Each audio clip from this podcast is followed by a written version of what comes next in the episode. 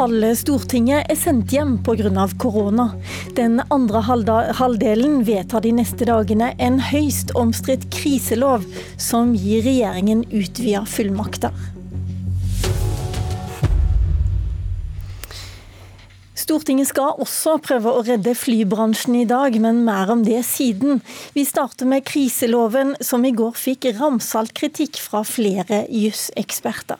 De neste dagene skal altså Stortinget vedta en lov som gir regjeringen rett til å sette andre lover og regler til side for å kunne håndtere koronakrisen. Høyst udemokratisk, hevder noen juseksperter. Galskap, mener jusprofessor Hans Petter Graver, som var i Dagsnytt 18 i går. Og til det svarte justisministeren følgende det mest demokratiske organet vi har, Stortinget, skal behandle denne loven. Det kommer til å bli full debatt om den, full åpenhet om den. Hvis Stortinget altså mener at dette er forsvarlig, så er det det. Ja, Stortingspresident eh, Tone Trøen, velkommen til Politisk kvarter. Tusen takk.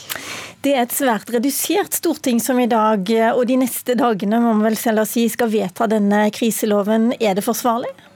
Det er et beslutningsdyktig storting eh, i henhold til grunnloven vår. Vi, er, eh, vi, må være 85, og vi er eh, 87. Eh, og det er jo rett og slett en, en, eh, en situasjon vi eh, har valgt fordi vi ville forebygge mest mulig og sikre at Stortinget er robust også for perioden framover. Og nettopp derfor så var alle partiene enige om at vi går ned til 87. For da har vi altså noen som er hjemme, og som, som eventuelt kan trå til senere hvis, hvis andre må, må være hjemme hjemme i karantene f.eks. Men det betyr at eh, nesten halvparten er sendt hjem, og de som er sendt hjem, eller de som er hjemme, det er de som bor lengst unna. Det er vel ikke helt demokratisk når man i tillegg skal vedta en så viktig lov som gir regjeringen fullmakter til å sette andre lover til side? Ja, For det første så er det partiene selv som har uh, vurdert hvilke representanter som skal møtes, og det har vært helt opp til partiene. Det er et representativt storting, uh, så partiene er representert i det forhold de skal være i Stortinget. Uh, og Grunnloven sier altså at vi skal være mer enn halvparten til stede. Og vi er jo i en spesiell situasjon. Hele landet, det preger også Stortinget. Men vi skal sikre at vi har et robust og beslutningsdyktig storting til stede. Eh, og så Når det gjelder den eh, fullmaktsloven som, eh, som, da blir fremmet i Stortinget i dag, så vil jo den behandles på helt ordinær måte, slik lover behandles. Med både en komité som avgir innstilling, den vil debatteres og vedtas én gang, og den vil også vedtas for andre gang etter tre dager. Kanskje du forklarer oss hvordan den åpne og frie debatten skal foregå? Ja, det, det, vil jo foregå på samme måte som vi behandler lover ellers. Men det er klart at gitt den situasjonen vi er i, og gitt at denne loven jo handler nettopp om den spesielle situasjonen vi er i, så vil jo eh, behandlingen gå hurtig. Eh, så i løpet av de neste dagene vil Stortinget behandle denne loven. Men vi, vi følger eh, helt og holden Grunnlovens prinsipper om, om, lovbehandling i Stortinget. Og så er jo dette en lov som, som nettopp eh, vil gi regjeringen økte økte fullmakter. og Da er det jo viktig å, å peke på at uh, her kan en tredjedel av Stortinget uh, beslutte mot forskrifter, altså oppheve de forskrifter som eventuelt regjeringen innfører. og jeg har også merket meg at at justisministeren var veldig tydelig i går på at det er nødvendige og forsvarlige forskrifter som må endres. Og at statsministeren også sa at alle partier har vært med i denne dialogen, og at det har vært god samtale med alle partier. Kan ikke du forklare oss som ikke har lest Grunnloven, i hvert fall ikke i går eller i forgårs, eh, hvorfor ikke stortingsrepresentantene kan sitte fulltallige og hjemme i hvert sitt hus og stemme digitalt? Ja, det er sånn at Både Grunnlovens paragraf 73 eh, og forretningsordenen i Stortinget bygger på en forutsetning om at uh, halvparten av representantene er fysisk til stede i Stortinget. Det har alltid vært praktisert slik, både for å holde innlegg i Stortinget og for å votere eller stemme. Det, er, Så det, det går ikke an å komme utenom at man må samle minst 85 fysisk til stede i selve stortingssalen? Nei, og jeg jeg kan jo ikke gi noen garantier uh, i en sånn situasjon som vi er i nå, men jeg mener vi har et veldig robust system for å ivareta det. Uh, vi har mange varaer. Hver stortingsrepresentant har mange varaer.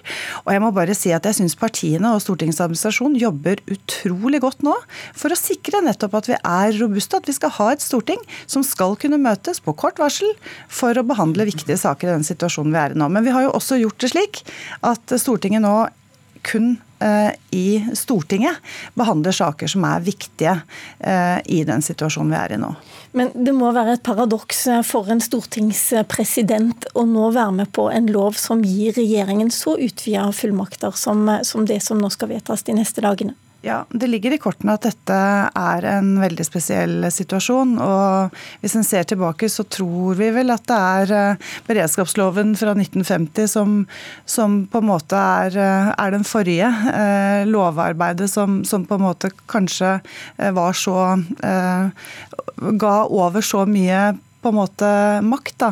Eh, men vi er i en veldig spesiell situasjon, og jeg er trygg på at eh, Stortinget skal være robust til å håndtere dette, og, og at regjeringen eh, gjør nettopp det de sier, at det skal være nødvendige og forsvarlige forskrifter og endringer som, som hensyntar den situasjonen landet er i akkurat nå.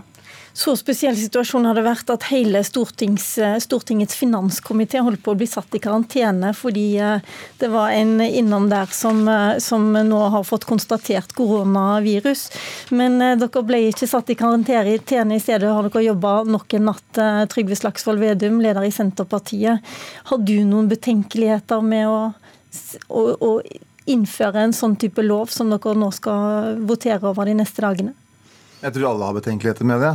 Eh, og jeg tror også regjeringa sjøl har betenkeligheter med det. For han ser at det her er jo på ingen måte ønskelig, men det kan være at det er nødvendig. Og så er det jo det som når vi får lovforslaget i eh, dag, så skal jo eller i morgen, eller vi får det, at så skal vi jo se om vi har, eh, får den nødvendige innramming. Sånn som Tone Trøen her sier, med at en tredjedel i Stortinget har mulighet til å stanse forskrifter hvis det går langt. Og så må vi også ramme det inn i tid. Men det vi i Senterpartiet har vært opptatt av også i dialog med regjeringa, er jo nettopp at vi må ha en tydelig innramming, en tydelig forståelse at den ikke skal uh, fullmakten må gå for langt, og må ha sikkerhetsmekanismer. Men samtidig kan vi forstå at i akutte situasjoner så kan, så kan, det være at man må gjøre F.eks. hvis uh, visse beredskapsenheter blir veldig pressa, at man kanskje må tillate litt andre vilkår rundt arbeidet sånn enn vanligvis for å sørge for at ting fungerer og, og, og sikre livs, liv og folk og helse. For det handler jo egentlig om å sikre din og min hverdag, sikre folk og helse, sikre at samfunnet fungerer best mulig. Men så må vi ha tydelige sikkerhetsmekanismer, og da får vi gå inn i det sammen. og Der tror vi også posisjonen og opposisjonen vår hjelper hverandre. Tenker, eh, tenker vi klart nok nå? Har vi gode nok mekanismer? Og så får vi lande det da til uka. Ok, Vi setter en strek der. Tusen takk skal du ha, Tone Trøen, stortingspresident. Det dere også har diskutert eh, i dag, og eh, dere skal møtes nå klokken ni, skjønner jeg igjen, eh, Vedum. Du sitter her og glipper med øynene. Ja, beklager det. Men dere diskuterte også dette til utpå natta. Det var hvordan man kan redde flybransjen. Har dere kommet fram til hvordan det skal skje? Vi kommer til å jobbe videre med det senere, altså eh, om en halvtime. Og også eh, i de neste, neste, ukene. Men jeg håper at vi kommer til å få på plass flere flertallsvedtak for, eh, for luftbransjen i, i, dag. Vi fikk på plass ett før i uka om lavere moms, veldig viktig. Og så er det andre temaer som har vært oppe, er det med arbeidsgiveravgift. Det er, kan man se enda mer på lufthavnavgifter se på hvordan ikke minst også hvordan kan vi sikre at vi har et velfungerende såkalt kortbanenett. altså I Nord-Norge og på Vestlandet så er vi helt avhengig av at det er småfly som binder Norge sammen. Og den viktigste kundegruppa, den største enkeltgruppa til småflya, altså Widerøe og de andre aktørene, det er folk som skal på sykehus, altså norske helsevesenet. Så det er veldig viktig for, for, vår beredskap å opprettholde den samfunnskritiske infrastrukturen, for vi har ikke noe valg. Og da, og da håper vi klarer å komme med noen nye grep også i dag på det, og at vi får flertall for det. Men det får vi vi skal ha det endelige og siste møtet i finanskomiteen nå rundt eh, klokka ni. Arild Hermstad, du er nasjonal talsperson i MDG. Du sitter hjemme i karantene, men er med oss likevel. Eh, dere har advart mot oppkjøp av Norwegian, som er det selskapet som ligger dårligst an akkurat nå. Hvorfor advarer dere mot det? Nei, Nå står vi jo i en eh, ekstremt eh, alvorlig situasjon økonomisk. Eh, og Da er det lurt å være forsiktig med hvilke bransjer og hvilke enkeltselskaper man skal gi støtte til. Vi er veldig skeptiske til å både det å kjøpe seg opp, men også det å gi lånegarantier, særlig til Norwegian. fordi at det er et privat selskap som har en lite solid eh, situasjon. Det er jo derfor også dette eh, kravet om lånegaranti kommer med en gang. fordi at man eh, har stilt seg selv i en posisjon hvor man også i utgangspunktet før koronakrisen kom, så var man eh, i en eh, nesten konkurssituasjon før jul. Og Det betyr at hvis vi går inn og, og støtter det med milliardbeløp, så vet vi faktisk ikke hvor mye det kommer til å ende med. Det kan bli et tapsluk av dimensjoner. og Her mener jeg at vi må vise tilbakeholdenhet og konsentrere oss om det som Vedum snakker om, nemlig å sikre den kritiske infrastrukturen som er kortbanenettet og som er helt, eh, altså helt nødvendig infrastruktur som vi trenger. Det er vi helt med på at vi må gjøre. Men det å gå inn og gi milliardstøtte til enkeltselskaper, det er en annen sak som kan bli veldig dyrt, og som også gjør at vi sitter igjen med en, en stor utgift for det norske samfunnet. Så vidt jeg skjønner, så vil heller ikke Senterpartiet gå inn og kjøpe opp eh, deler av Norwegian, men dere har gått inn for lånegarantier, stemmer ikke det, Vedum? Nå er det vi er egentlig for alle mulige tiltak som kan sikre norsk luftfart totalt. for det er, ikke, det er SAS har utfordringer, Widerøe har utfordringer. Hele den samfunnsinfrastrukturen har utfordringer. Men, men, Stortinget er ikke utøvende myndighet, det er regjeringa som er utøvende myndighet. og Den må bare ha fått en veldig klar beskjed fra Stortinget om at den må sikre kritisk infrastruktur. Og så er det de som må ha den mot enkeltaktører. Det vi gjør, er å legge de generelle rammevilkåra. Og da er det jo det med moms som er gjort. Det er fjerne flypassasjeravgifta, som var et feilgrep. Se om vi kan gjøre noe med CO2-avgifter akkurat nå for å, for å redde luftfarten. Og lufthavnavgifter. Så mange grep vi kan, Og arbeidsgiveravgift òg, som er en veldig tung utgift for Eh, for norsk luftfart. Så det er jo, Nå handler det egentlig om å redde eh, den infrastrukturen som er definerende for Norge. Altså Det binder Norge sammen, og da må vi ta ting på alvor. Og så hadde Problemet for norsk luftfart var at eh, avgiftene har økt voldsomt de siste par åra. Altså med rundt 2 milliarder kroner eh, de siste, par, de siste åra. Og det gjorde at solide selskaper sånn som Widerøe hadde store problemer før krisa traff inn. Pga. det, det Senterpartiet mente har vært en feilslått avgiftspolitikk over tid. Men jeg opplever nå at alle partier ser at nå må vi bare sette inn tiltak, eh, legge bort gamle kjepphester og også få ned avgiftene. Så Jeg er ikke sikkert det er like stor begeistring i MDG på en del av avgiftene, men Men, men til og med MDG har faktisk vært med på å sette ned avgiftene. og Hvordan henger det sammen, når du samtidig sier at koronaviruset er noe vi nå skal lære av og få helt nye, nye flyvaner, eh, Hermstad? Altså Det vi har sagt ja til, er jo kortsiktige midlertidige tiltak som vi også kan overskue den økonomiske konsekvensen av. Det har vi sagt ja til.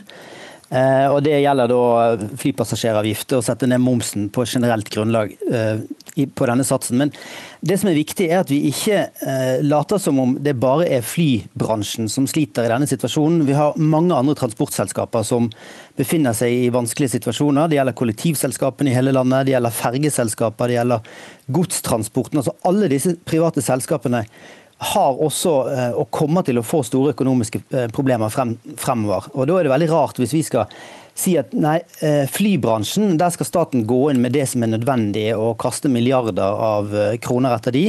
Og så skal vi se hva vi skal gjøre med resten. fordi eh, Grunnen til at dette er så akutt, er jo nettopp det at særlig Norwegian har en, en veldig dårlig sits i utgangspunktet. Og Det betyr at den modellen som de har basert seg på, som er å være et lavprisselskap som eh, frakter folk eh, på helgetur til New York eller på skihelg til Østerrike til en veldig veldig billig penge, det er ikke en bærekraftig modell. Og jeg tror vi må ta inn over oss at Folk kommer til å fly mindre, de kommer til å ha en dårligere økonomi, de kommer til å ha bedre alternativer som vi nå utforsker med videokonferanser. Og jeg tror folk kommer til å være skeptiske til å reise så mye i fremtiden. Og da jeg må bare er ikke til, den modellen til Norwegian riktig. Jeg må bare legge til Hermstad, at akkurat i dette øyeblikket så faller kronekursen så voldsomt at en eh, amerikansk dollar koster bortimot 12 kroner. Så denne helgeturen til New York blir i så fall uansett veldig dyr. Men Vedum, oljeprisen faller, børsen faller, inntektene stuper. Dere bruker masse penger nå i disse sene nattetimene i Stortinget. Tenker du på det, at dere snart må begynne å tenke litt nøyere på hvor alle milliardene til den norske staten skal brukes? Det tenker jeg på, men Norge har penger på bok. Og Heldigvis har vi penger på bok, og nå må vi bruke de musklene på det vi kan. Og så må vi huske at det er lett å snakke om alternativ til luftfart hvis du bor i Oslo, men i Nord-Norge så bruker den luftfarten seks ganger så mye som vi bor på Østlandet. Så vi trenger fly for å binde Norge sammen, og så må vi ikke bruke Norwegian som en unnskyldning for ikke redde de andre selskapene. Ok, De politiske skillene de, de henger fast. De kan vi i hvert fall slå, slå fast også i Politisk kvarter. Takk Trygve Slagsvold Vedum, takk Arild Hermstad. Mitt navn Lilla Sølhusvik.